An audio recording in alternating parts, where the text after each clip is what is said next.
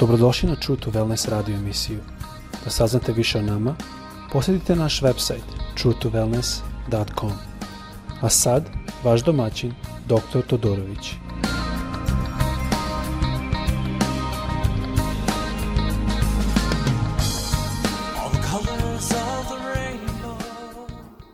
Ljubazni dobrodošli na naš podcast koji radimo ovdje iz Srbije.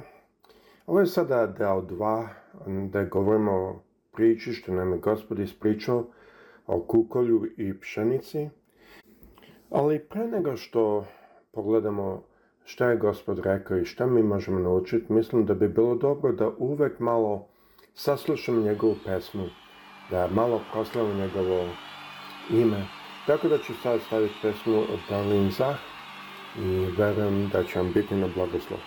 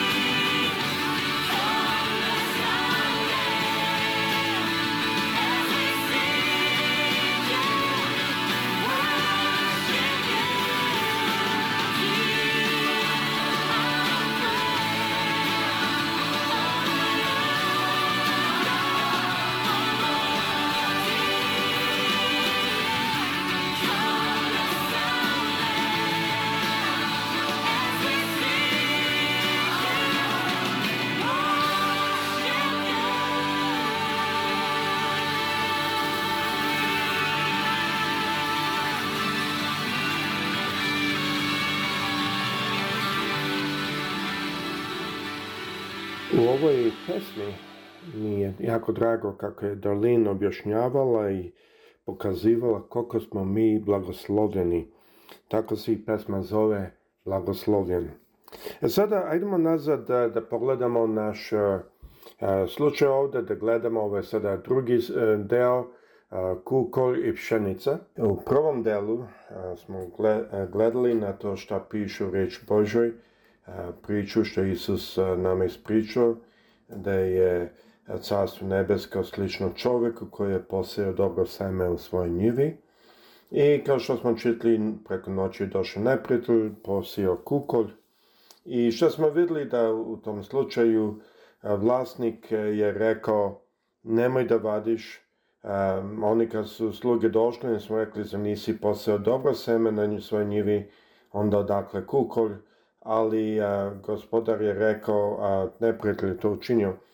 E, I onda smo malo o tome govorili šta to znači kukoli i da je Isus rekao da onaj koji ima daće mu se u izobilju, a onaj koji nema uzet će si ono što ima. I kasnije smo malo gledali šta to znači hodati ne u legalizmu, nego hodati u ljubavi sa Hristom. Isto tako smo spomenuli što Isus rekao da naša pravednost mora da bude veća od pravednosti učitelja zakona i fariseja. E, kao što se sećate, spomenuli smo da učitelji i zakona i fariseja i vrlo lep život žive. Oni daju e, desetak od svega što imaju, oni hodaju, idu u crkve e, sa vrlo finim, o, odećom, Nikad ih vi ne bi vidjeli u crkvi sa kosom koja je van mesta ili odeća koja je van mesta. I mnogim današnjim crkvama, pogotovo u Americi, a ljudi bi gledali e, na njih kao jako dobre hrišene.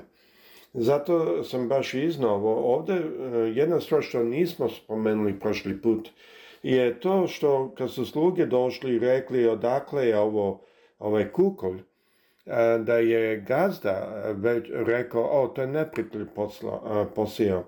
Vidimo da je tu neprijatelj posio kukolj i da je to gazda znao, ali gazda ništa nije učinio.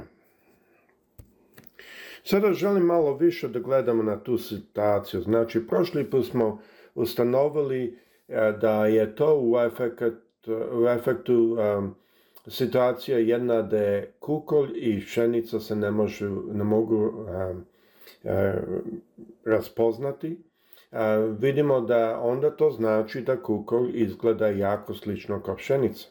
A ako uzmemo ono što je Isus rekao prošli put, iz prošle epizode što smo čitali, vidjet ćemo da je Isus objasnio da fariseji izgledaju jako dobro od spolja, da oni zaista hodaju i govore da hodaju po zakonu Božjem, a u stvari njihova srca nisu na mestu, oni, kao što smo spomenuli, oni zapuštaju veću stranu zakona.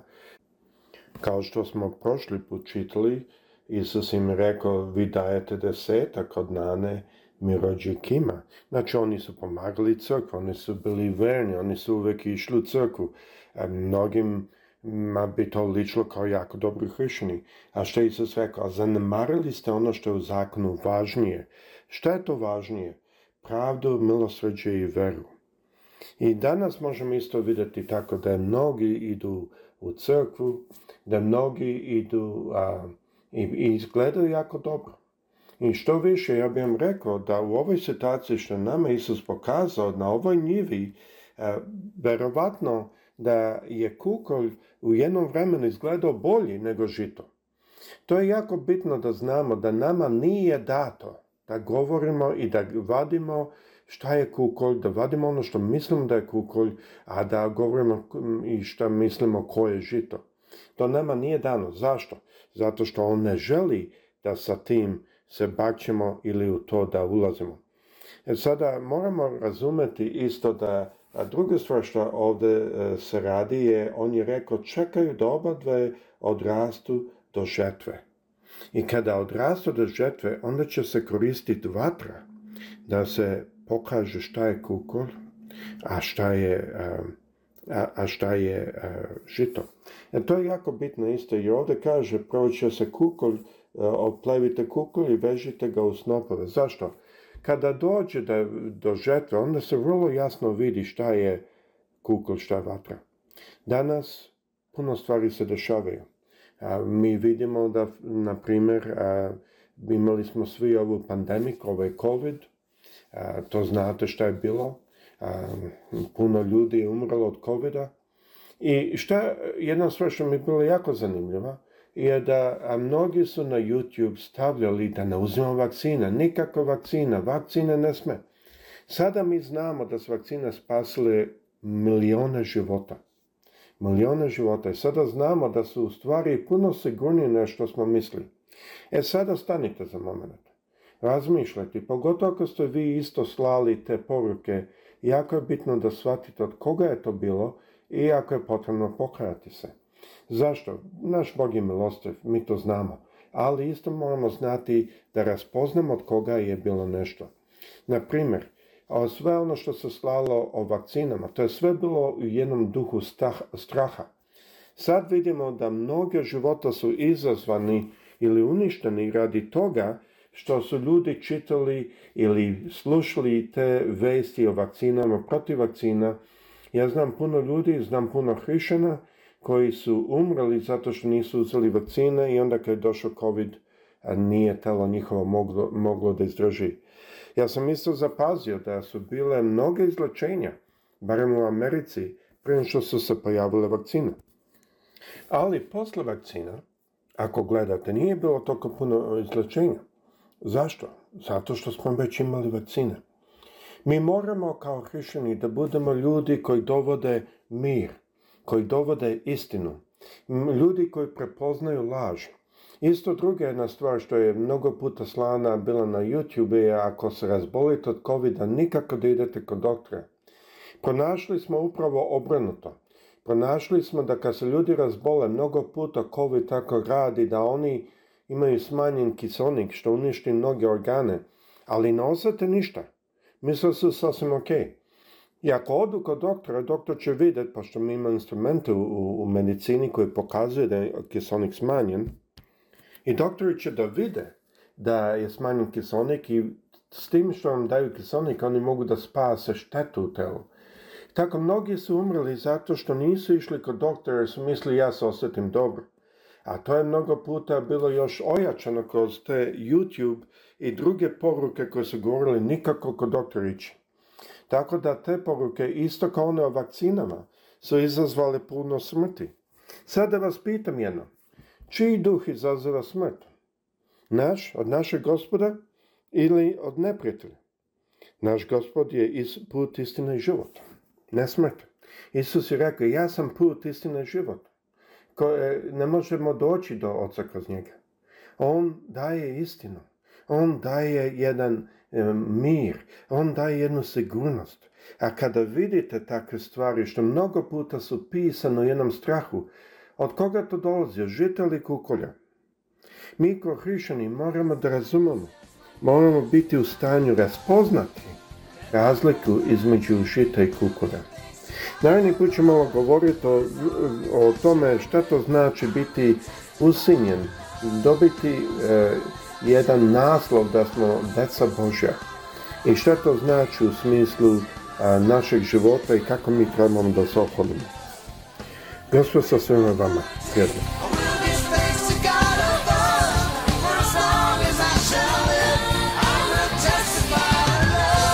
Slušajte True to Wellness radio emisiju. Pridružite nam se ponovno. Za kontakt molimo posjetite naš website www.true2wellness.com Naša email adresa je info at truetowellness.com.